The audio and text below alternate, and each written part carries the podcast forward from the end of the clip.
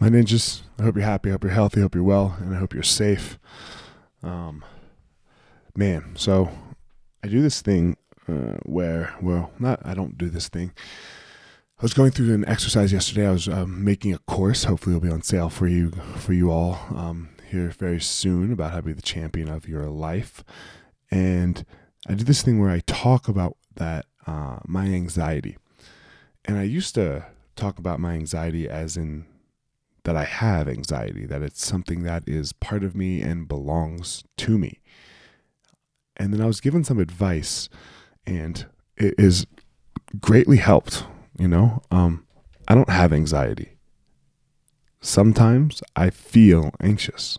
I experience and I experience anxiety, but I don't possess it. And we do this so often, especially with negative feelings.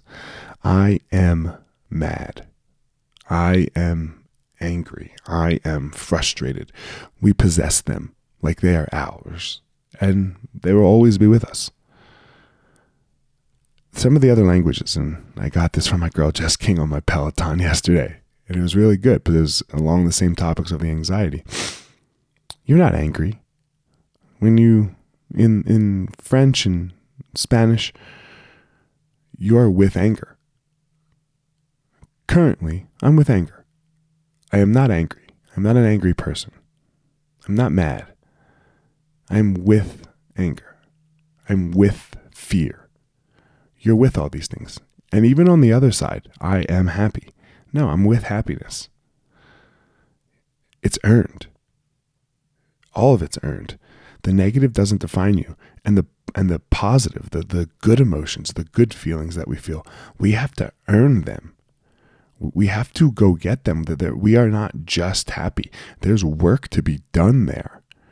Don't discredit the work, and don't define yourself by one experience in one moment. There's no power in that. Find your power.